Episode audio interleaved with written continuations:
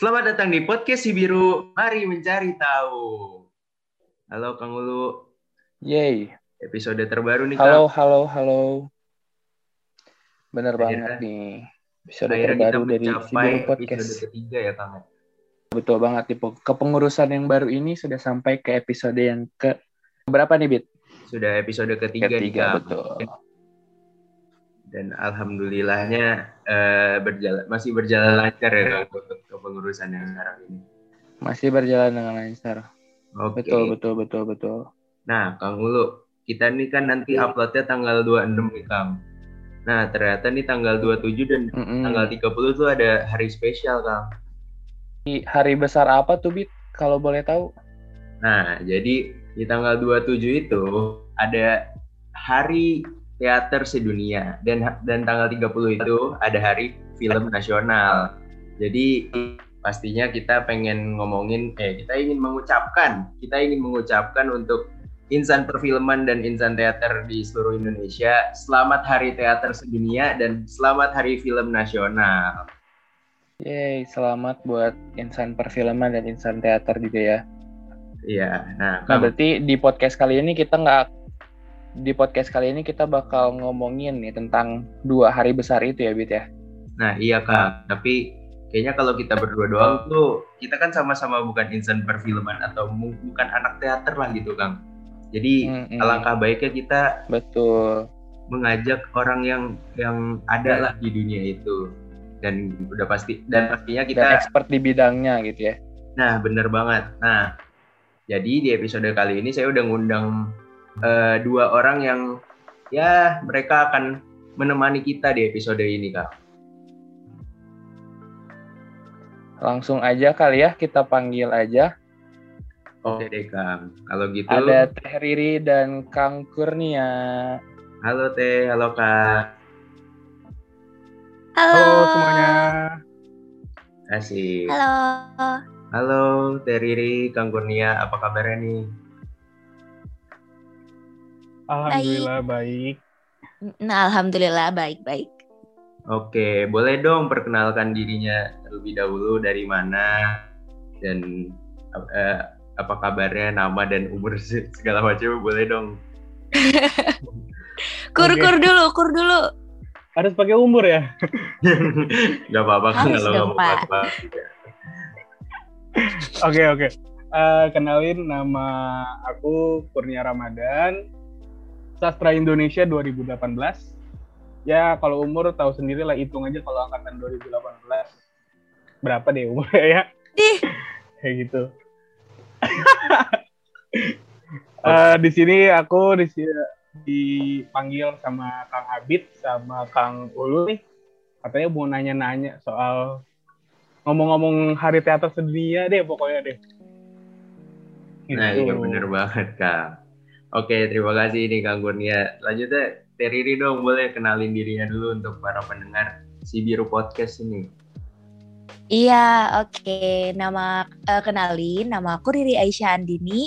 Eh, biasa dipanggil Riri atau Ais. Aku juga sastra Indonesia 2018. Em, meskipun aku sama Kurnia seangkatan, tapi umur nggak sama ya. Kurnia nih jangan ngaku-ngaku nih. Eh, dan aku juga di sini untuk menemani Kurnia, menemani si Kurnia untuk berbagi sharing-sharing tentang Hari Teater Sedunia dan juga ngomongin tentang perfilman mungkin tadi sempat disebut ya. Gitu.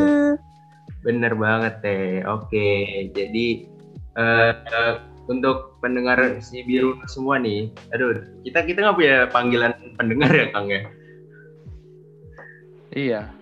Untuk para teman-teman semua, eh, eh, aku mau ngasih tahu juga nih, karena tadi kayaknya sedikit lupa di awal, kalau Kang Kurnia dan Terry ini tergabung dalam Teater Jati. Bener gak tuh Kang? Ya terjadi. Betul betul betul. Betul banget. Boleh diceritain dong Kang Teh, Teater Jati itu apa sih? Untuk pendengar yang belum tahu nih. Oke, mau gua apa lu, Ri? Sok sok lo lo. Oke. Kurnia dong. Eh, jadi simpelnya ya, simpelnya teater jati itu UKM jurusan gitu. UKM jurusan yang bergerak di bidang keteateran. atau seni pertunjukan. Jadi uh, teater jati ini uh, UKM UKM yang bergerak di bidang teater dan seni pertunjukan di jurusan Sastra Indonesia Universitas Pajajaran. Dan uh, apa ya? Kita udah total udah dari kapan ya itu ya? Udah agak lama sih. Pokoknya sekarang ini udah sampai ke tunas. Kalau di teater teater jati itu ada namanya tunas, itu angkatan gitu.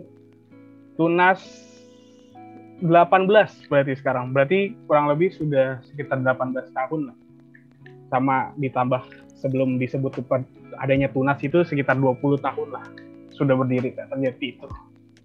Wow, udah ya. lama juga ya Kang berarti ya? Iya, udah lumayan lama.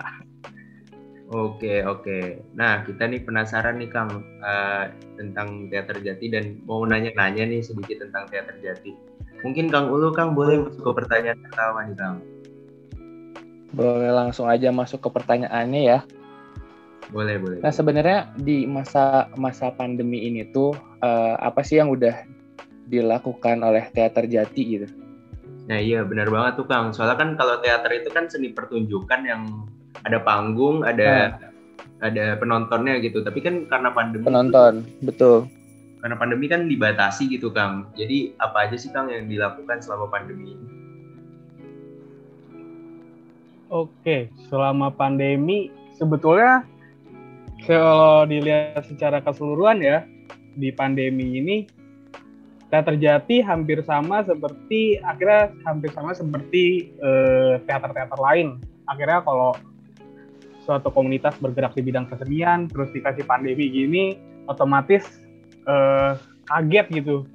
Eh, istilahnya culture shock lah karena kita biasanya minta sini, minta sana, bikin ini, bikin ini.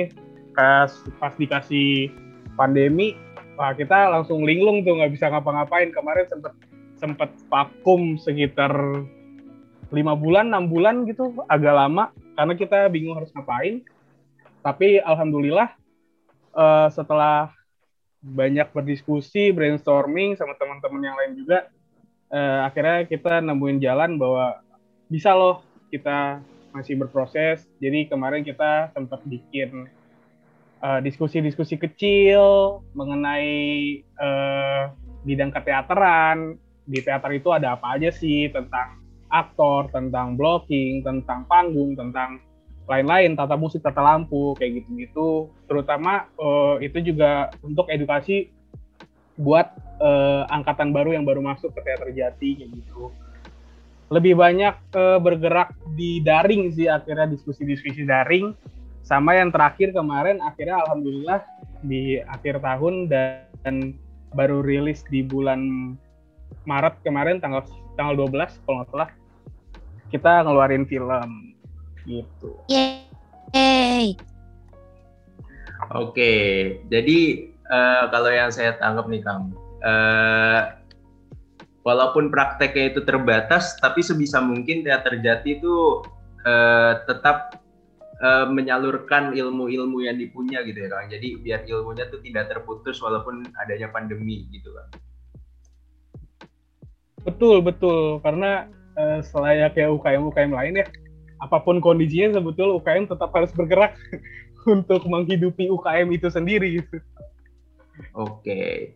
Nah, Kang, uh, tadi kan akhirnya semuanya daring uh, dan itu adalah sebuah struggle untuk eh, untuk semua orang lah. Untuk semua orang untuk pada saat ini UKM apa pun itu semuanya daring kuliah pun daring dan itu menjadi sebuah struggle baru untuk kita semua. Nah tadi juga udah di mention sedikit bahwa Teater Jati baru aja merilis sebuah film pendek uh, di bulan Maret tanggal 12 kemarin itu ya Kang. Uh, nah boleh diceritain dong Kang struggle apa aja sih yang udah dilewati sama Teater Jati itu? Soalnya kan uh, pasti lebih banyak struggle dari yang barusan Kang Kurnia udah sebutkan gitu. Oke, gimana nih Ri struggle Ri? nah, di di filmnya ya berarti ya? Ya boleh kalau di filmnya Dalam boleh. Dalam garapan film ya? Pandemi selama pandemi juga boleh Kang. Apa aja sih struggle-nya gitu? Oke, kalau dari segi teater jatinya ya, secara komunitas, akhirnya struggle-nya itu tadi. Uh, kita bingung uh, mau bergerak ngapain nih akhirnya karena kita biasanya kita bikin pementasan, biasanya kita bikin seni pertunjukan. Ketika kemarin dikasih pandemi, ya akhirnya kita bingung, jujur jujur bingung banget itu kita akhirnya mau ngapain nih sempat kepikiran untuk pentas secara online tapi ternyata eh, pihak kampus tidak mengizinkan kemarin karena itu baru awal pandemi lagi lagi naik naiknya kasus.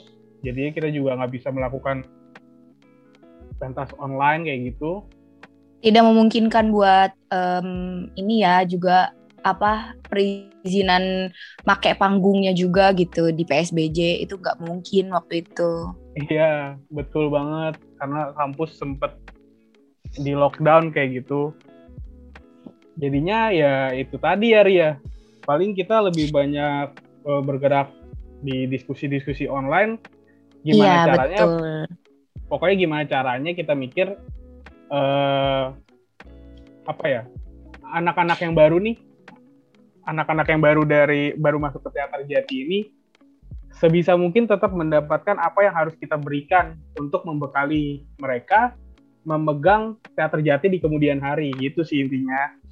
Iya betul sih. Itu juga nambahin kur. Um, untungnya alhamdulillahnya kita masih bisa um, membuka perekrutan calon anggota baru caang caang baru dan yang join lumayan gitu ya. Dan alhamdulillahnya kita masih bisa melakukan um, pembagian materi secara daring gitu kan.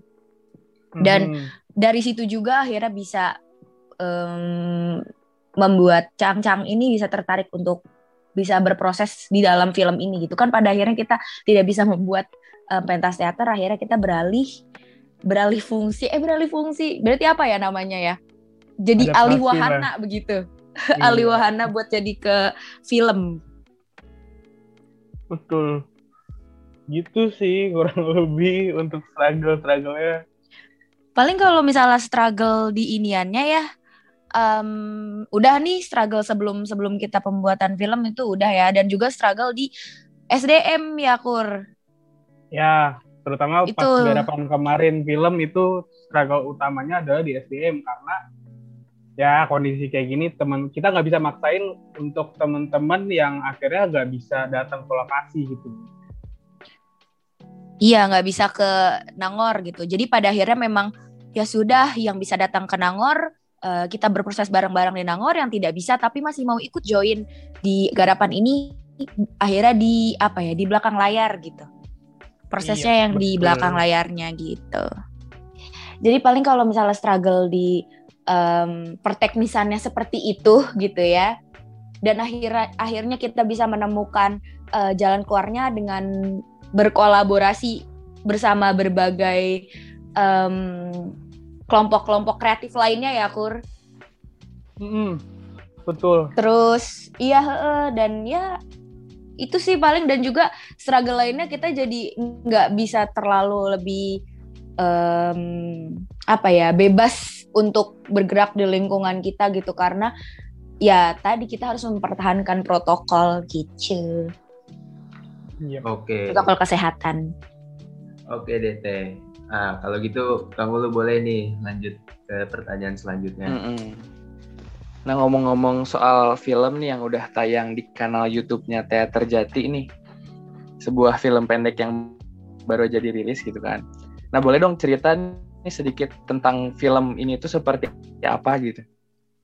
Menceritakan tentang apa dan apa sih sebenarnya isi yang yang mau disampaikan oleh film ini gitu. Boleh juga tuh Kang Teh kalau mau diceritain proses pembuatan filmnya juga boleh. Nah iya betul. Ini silakan nih suka dukanya gitu. Oke. Okay. uh, film ya film.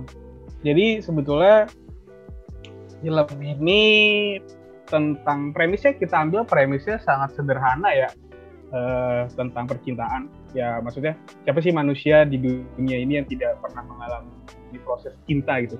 Mencintai dan dicintai itu banyak banget prosesnya. Kan pasti uh, Kang Ulu sama Kang Abid juga mungkin pernah gitu. Pasti pernah sih gitu. Akhirnya dari premis itu kita kembangkan uh, menjadi sebuah fragmen-fragmen terbagi menjadi delapan fragmen.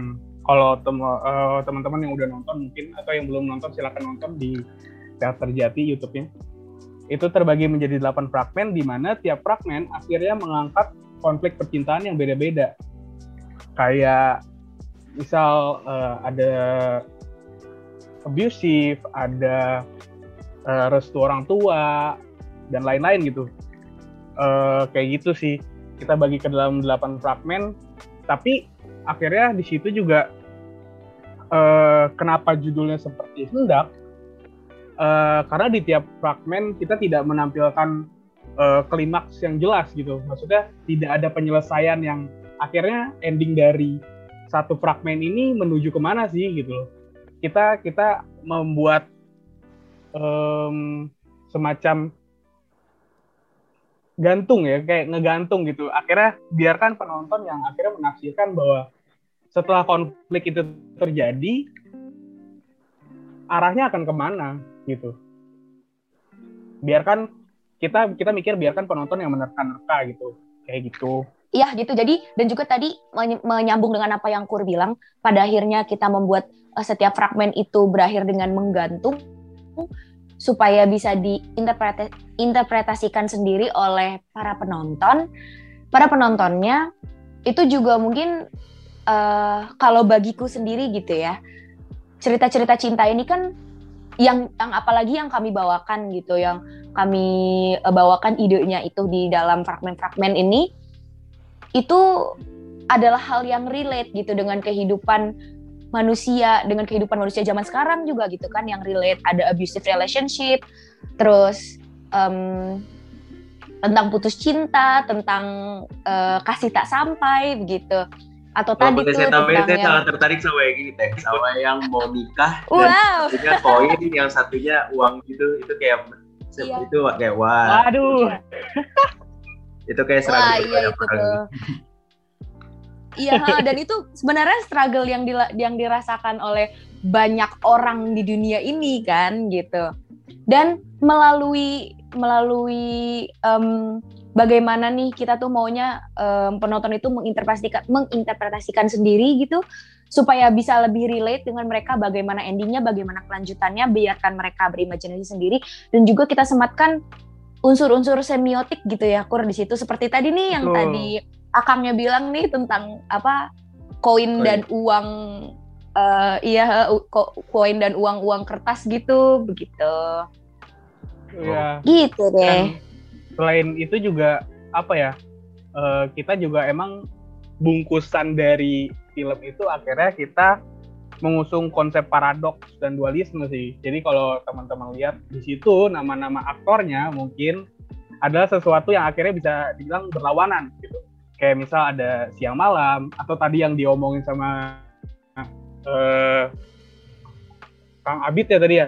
Iya. Itu uh, itu nama aktornya kan pria wanita. Akhirnya kan itu sebuah konsep dualisme. Jadi kita membungkus itu dengan uh, konsep semiotika juga dia dia dualisme dan paradoks kayak gitu. Oke. Nah, saya tadi Iya, karena pada hakikatnya hidup kita penuh sekali dengan keparadoksan gitu. Betul. benar, benar, benar. Nah, saya tadi tertarik banget kan katanya per fragment itu eh, apa sih namanya? Eh, memilih tidak punya endingnya tuh yang gantung cerita yang berbeda-beda. Iya udah gitu udah gitu gantung dan terus fragmen itu kan setiap fragmennya beda-beda gitu. Ada kayak yang tadi ada yang yang malam ada yang pria dan wanita. Ada yang paling terakhir itu saya bahkan saya gak ngerti itu maksudnya apa. Uh, adalah uh, yang yang uh, ke, yang gelap dan terang itu apa sih? Cahaya dan cahaya. Gelap dan cahaya dan gelap. oh iya gelap dan cahaya, cahaya dan gelap. nah saya percaya kalau film ini tuh eh, mengandung pesan yang yang kuat gitu. Maksudnya dengan ya tadi saya saya, saya juga suka ini film uh, walaupun cinta tapi karena tapi nggak ada happy endingnya karena endingnya kita sendiri yang menentukan kan. Habis itu saya yakin film ini pesannya kuat banget walaupun ada beberapa pesan yang nggak ngerti seperti kayak yang cewek di, sama pepayanya di toilet itu saya benar-benar nggak ngerti. Oke.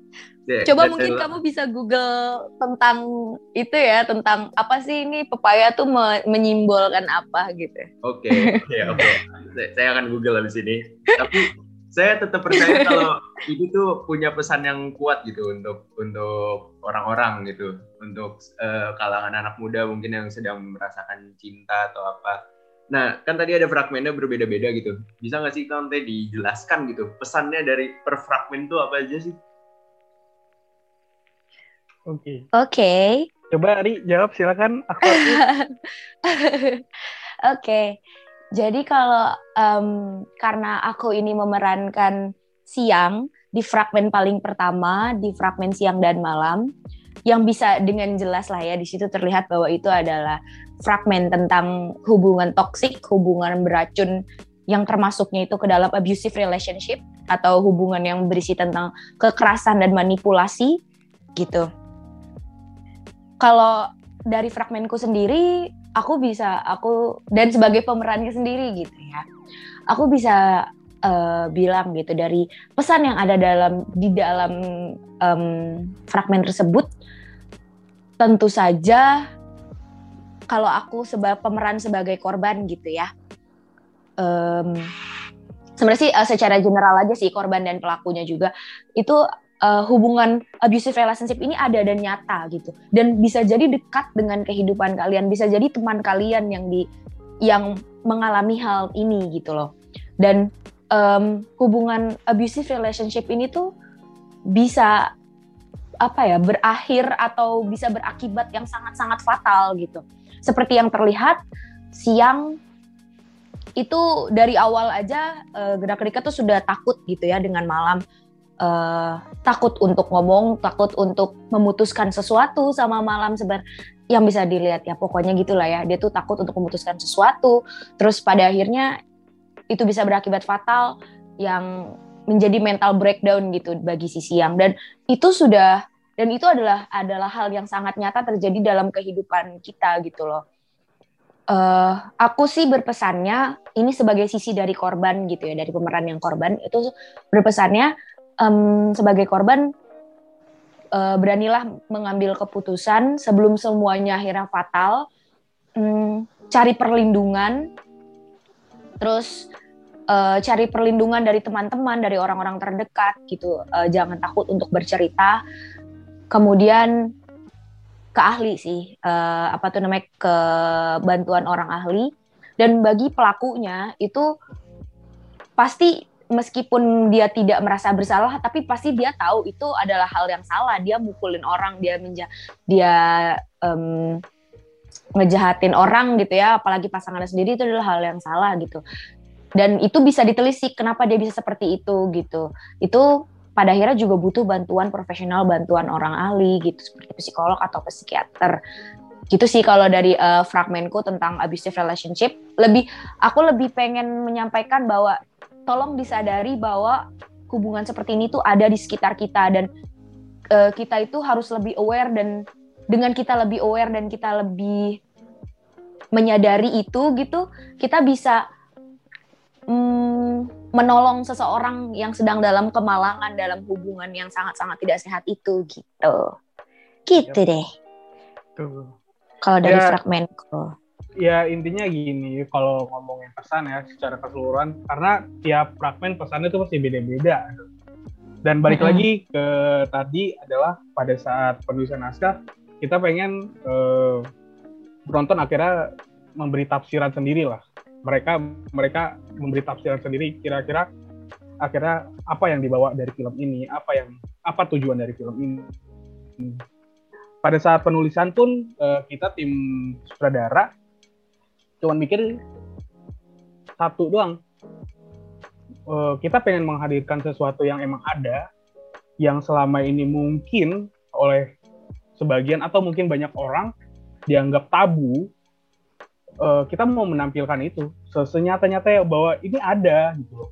Mm -mm. Kenapa karena karena keresahan dari aku pribadi ya maksudnya uh, dari aku sebagai penulis juga uh, kenapa sih banyak sekali aspek-aspek uh, yang akhirnya diangkat ke dalam suatu karya seni uh, sering kali dianggap tabu gitu loh. Seringkali dianggap ngapain sih lu ngebahas ini? Ngapain sih lu ngebahas itu? Gitu. Padahal secara realita itu itu ada gitu loh. Dan dan itu relate.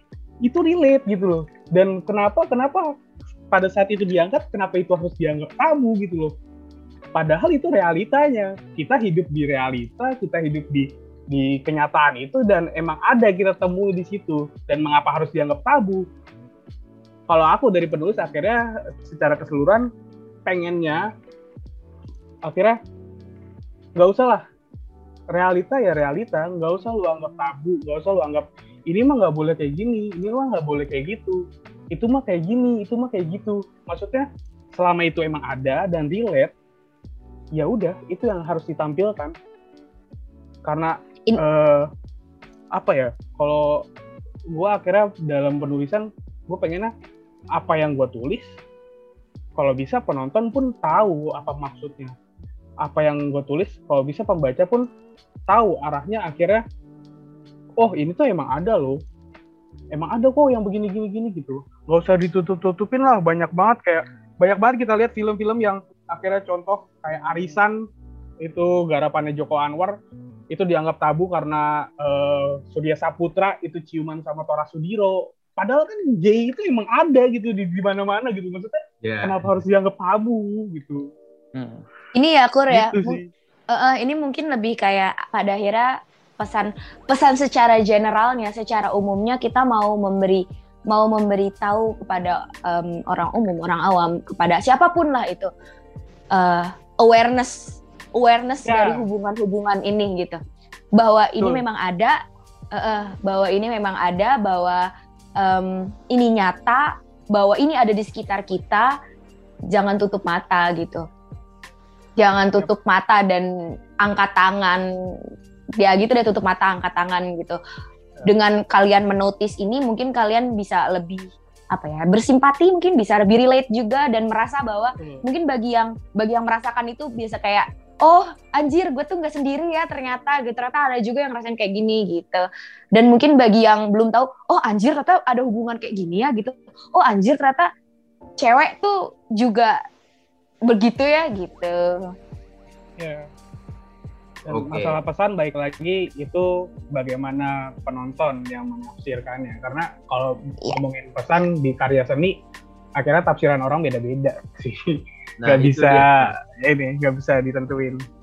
Oke, okay, oke. Okay, jadi itu yes, iya, dia kan kenapa saya bertanya tentang pesan karena saat saya nonton film ini pun saya berpikir ini multi tafsir banget sih. Ini sesuatu yang orang-orang kayaknya Uh, Oke, okay, saya nambahin satu pertanyaan aja lagi ya. Ini ini ini boleh di, dijawab benar atau salah. Tapi emang itu sengaja dilakukan oleh sutradara untuk untuk membuat penontonnya menafsirkan sendiri atau enggak, Bang? Iya, betul. Bisa dibilang sengaja sih. Kalau dibilang kalau karena kalau bilang nggak nggak disengaja juga nggak mungkin ya. Karena kita nulis sendiri itu mungkin sekitar 80% emang kita pengennya sengaja gitu. Oke oke itu itu menarik itu yang membuat film ini menarik sih kamu untuk kalau menurut pribadi saya sendiri ya. Nah untuk kalau kamu lu nih ada pertanyaan lagi nggak di kamu? Ya sebenarnya uh, agak membingungkan juga sih ya pasti yang yang nonton juga pasti kan antara dari dari bagian per bagiannya juga pasti beda beda eh, beda beda makna dan apa sih yang ingin disampaikannya gitu. Nah sebenarnya tuh apa sih yang menjadi alasan terbesar dan uh, apa sih yang menjadi uh, concern dari Teater Jati ini sampai pada akhirnya membuat film seperti ini gitu? Oke, okay. concern dalam konteks filmnya ya? Iya kang. Iya.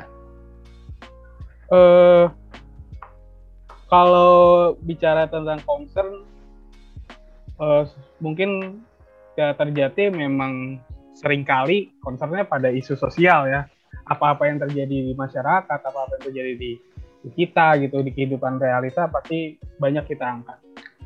Kayak gitu. Terus uh, dan kalau ngomongin film ini concernnya ke mana?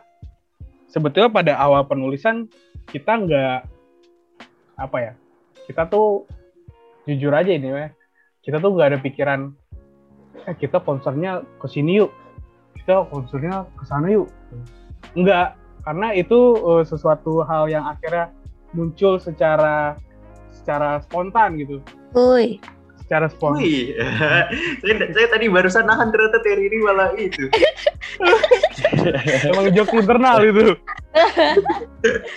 ya secara spontan itu eh, pada saat penulisan karena eh, saya aku pribadi akhirnya eh, emang emang apa ya konteks percintaan yang diangkat dalam film ini mungkin menjadi keresahan pribadi juga makanya. Dan aku juga hidup di sekitaran orang yang mengalami hal-hal itu. Makanya kenapa nggak kita angkat ke dalam sebuah karya tulis atau karya seni gitu? Kenapa enggak gitu? Karena karena gini ya banyak banget kalau orang ngomongin cinta pasti eh langsung kepikiran kayak yang mesra romantis yang Uwu-uwu gitu yang ya. uwu-uwu. nah Happy ending gitu. pada saat Ya meskipun itu bagian itu itu bagian dari percintaan itu ya Kur. Iya, Ada sih di betul, film kita betul. juga Hmm, bagian Tapi- sih. Iya, tapi akhirnya pada saat penulisan eh masih inget banget gue bilang gue bilang gini eh ke Katon gitu, bi ini kan konteksnya cinta, tapi gue nggak mau yang uu-uan ya, gue mau konteks cinta ini dibawakan yang beda, karena maksudnya kalau kita ngomong konteks cinta yang uuan itu udah terlalu banyak sih kayak anjir banyak banget. Ada Dear Nathan, ada Dylan, ada I Love You From 3000 kayak wah banyak banget gitu Dan bahkan di Tapi- cerita mereka juga uwu-uwu tapi tetap ada konflik lainnya juga sih gitu kan. betul betul. Akhirnya akhirnya pas pas penulisan gue bilang ke Abi gue nggak mau ya. Gue nggak mau ada apa cinta ini dibawa secara uuan gue pengennya beda. Ya akhirnya inilah inilah yang bisa kita bawa gitu. Eh, konteks cinta yang kita bawa ya seperti itu. Mungkin bisa teman-teman lihat sendiri konflik-konfliknya apa yang menjadi tujuannya kayak gitu. Yang pada akhirnya ya jadi lebih relate dengan kehidupan kan kehidupan kita tidak uwu-uwu saja gitu banyak Betul. sekali konflik-konflik bajingannya gitu. betul sekali Oke, jadi kalau yang saya tangkap nih concern terbesarnya sebenarnya emang karena keresahan pribadi aja gitu kan. Dan itu adalah realita yang eh, realita pahit lah ya yang ada di masyarakat dan masyarakat memilih untuk eh, menutup mata untuk untuk tidak melihat. itu. Mengabaikan itu. Iya. Nah, iya betul Ya Nah. mungkin ya balik lagi concernnya itu lebih ke meningkatkan awareness sih gitu. Oke, jadi kayak untuk eh, lebih memperlihatkan lah ke orang-orang kalau ini tuh beneran ada gitu. Mhm. Mm-mm. Nah, tapi tadi kan- Kasarnya apa ya? Kasarnya kayak menampar gitu. Wah, Iya. Kayak menampar nih ada ya, Gen, ya ada tahu gitu. Oke, nah tadi Kang Kurnia dan Teh Riri juga bilang kalau ini tuh orang orang-orang tuh menganggap ini tuh aib gitu. Eh, tapi akhirnya Kang Kurnia memberanikan diri untuk menjadikan ini sebuah cerita di sebuah film yang nantinya pun akan ditonton eh, masyarakat Unpad bahkan bisa lebih luas dari itu lagi. Eh, nah, ini kan seperti banyak ya adalah adegan-adegan yang sepertinya untuk orang itu emang aib. Tapi Iya, Eh, mungkin saya melihatnya di situ pasti ada pasti ada sebuah struggle atau kesulitan lah untuk menciptakannya gitu. Kayak pemi- pemilihan aktor atau mungkin eh, ya dan lain-lainnya eh, atau mungkin struggle struggle karena struggle struggle karena pandemi gitu. Jadi yang, yang tadi udah di mention juga di awal banget boleh diceritain gak sih kang kayak struggle dalam eh eh, struggle dalam memilih aktor pembuatannya dan mungkin Teh Riri juga boleh nggak sih ceritain struggle-nya menjadi aktor dalam film yang ya seperti yang Kang Kurnia tadi bilang mengandung banyak aib-aib yang di inilah yang diangkat. Oke, eh, dalam proses kreatifnya sebetulnya kalau dibilang struggle banyak banget struggle. Bahkan bahkan eh, pada saat penulisannya tuh kita tuh bimbang. Karena ada ada beberapa fragmen yang emang mungkin bisa bisa disalah tafsirkan dan akhirnya salah ditangkap orang gitu loh. Itu emang emang gambling banget sih kita pas nulis.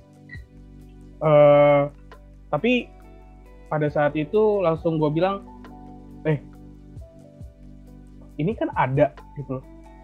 Maksudnya ketika ini akhirnya ada di dunia, di dunia nyata dan nanti disalah tafsirkan orang ya itu hak mereka gitu loh. Maksudnya kita nggak bisa mengambil alih interpretasi per individu karena kita nggak bisa ngontrol itu gitu loh.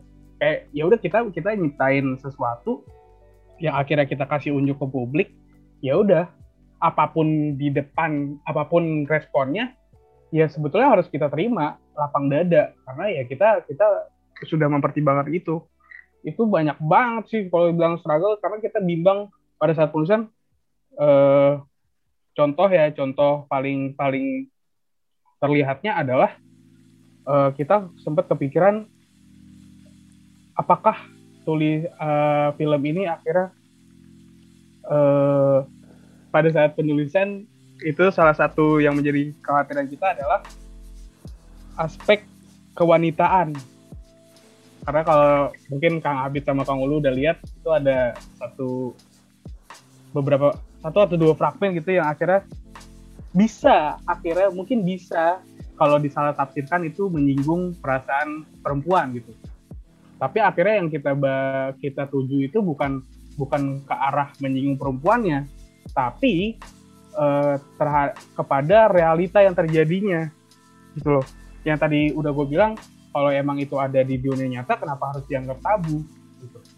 justru kalau gue mikir ya dengan kita mengangkat seperti ini itu bisa dijadak, dijadikan bahan evaluasi kayak misalkan balik lagi ke uh, industri film yang sudah besar gitu ketika kita mengangkat isu sosial ke dalam suatu film itu tuh bukan semata-mata akhirnya kita menyinggung uh, aspek sosial yang kita angkat tapi di di balik itu ada loh akhirnya uh, sesuatu yang bisa dikatakan itu bisa jadi bahan evaluasi gitu loh. Akhirnya kalau kita ngomong gitu gitu bicara sudut pandang bakal panjang lah. Kalau kita ngomongin sudut pandang uh, tentang fragmen-fragmen yang ada di film ini tapi tujuan kita sama sekali tidak ada unsur menyinggung. Tapi kita cuma mau bawakan uh, serealistis bukan serealistis sih. Senyata mungkin apa yang ada di lapangan yang kita bawa apa yang menjadi keresahan dan apa yang kita pernah alami itu kita bawa. Bahkan memang ada sebagian besar bahkan sebagian besar dari uh, fragmen-fragmen yang ada itu berdasarkan kesan pribadi tim saudara gitu. Kayak gitu.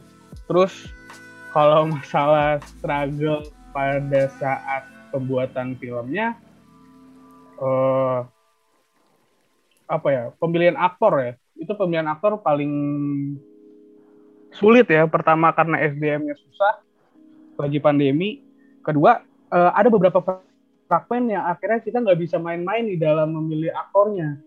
Contoh, kita taruh aja ada kalau bisa teman-teman lihat ada di fragmen meditasi.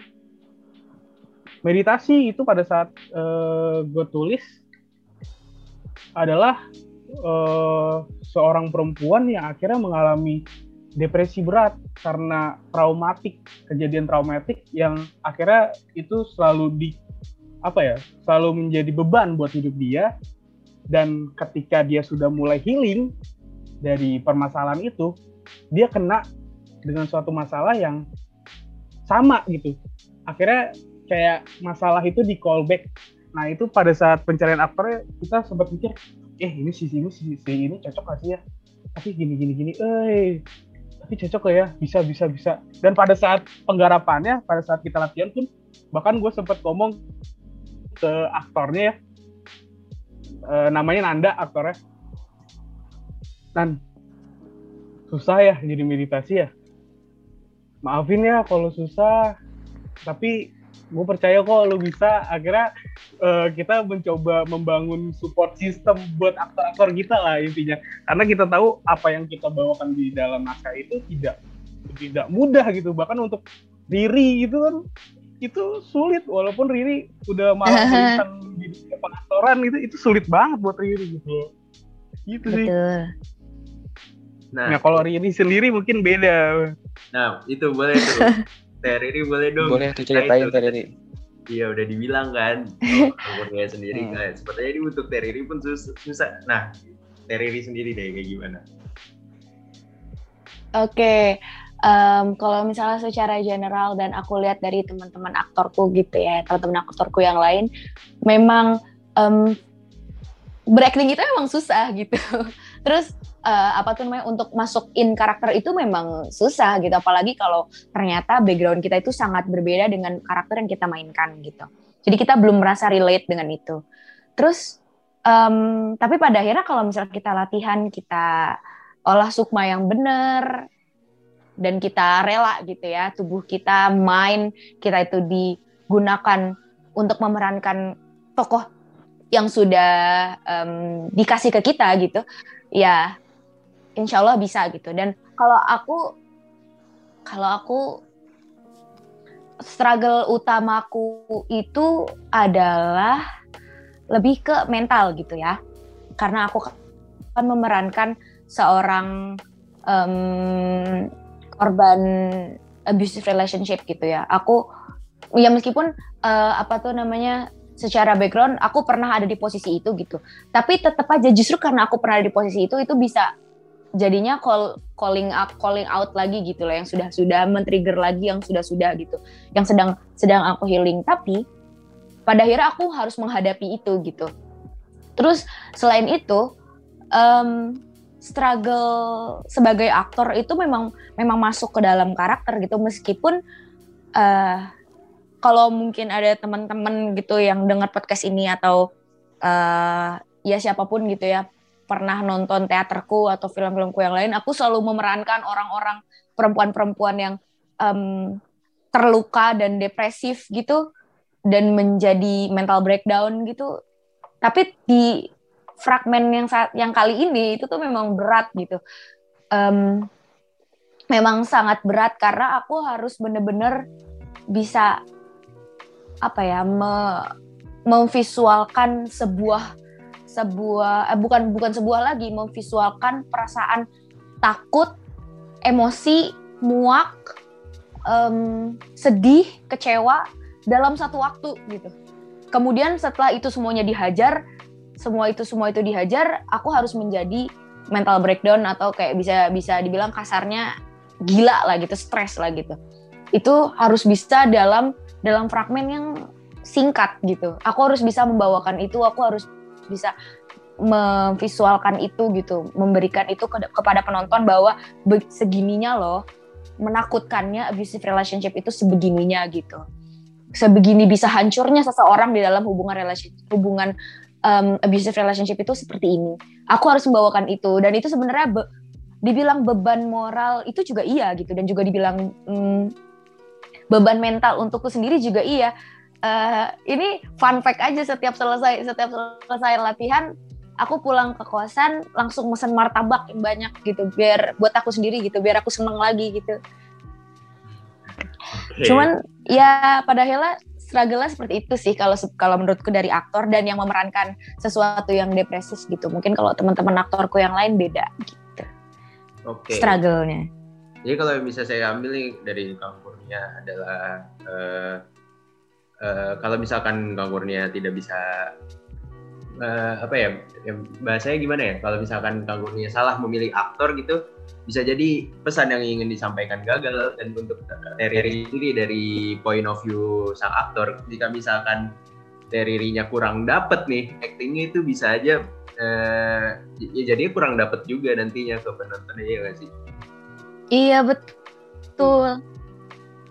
betul betul Oke deh. apalagi fragmen Riri sih itu fragmen Riri parah sih itu nggak tahu ya kalau bukan Riri gue sempet mikir itu siapa lagi gitu kalau bukan Riri gitu kayaknya Riri deh yang paling pas dan paling bisa akhirnya Nih.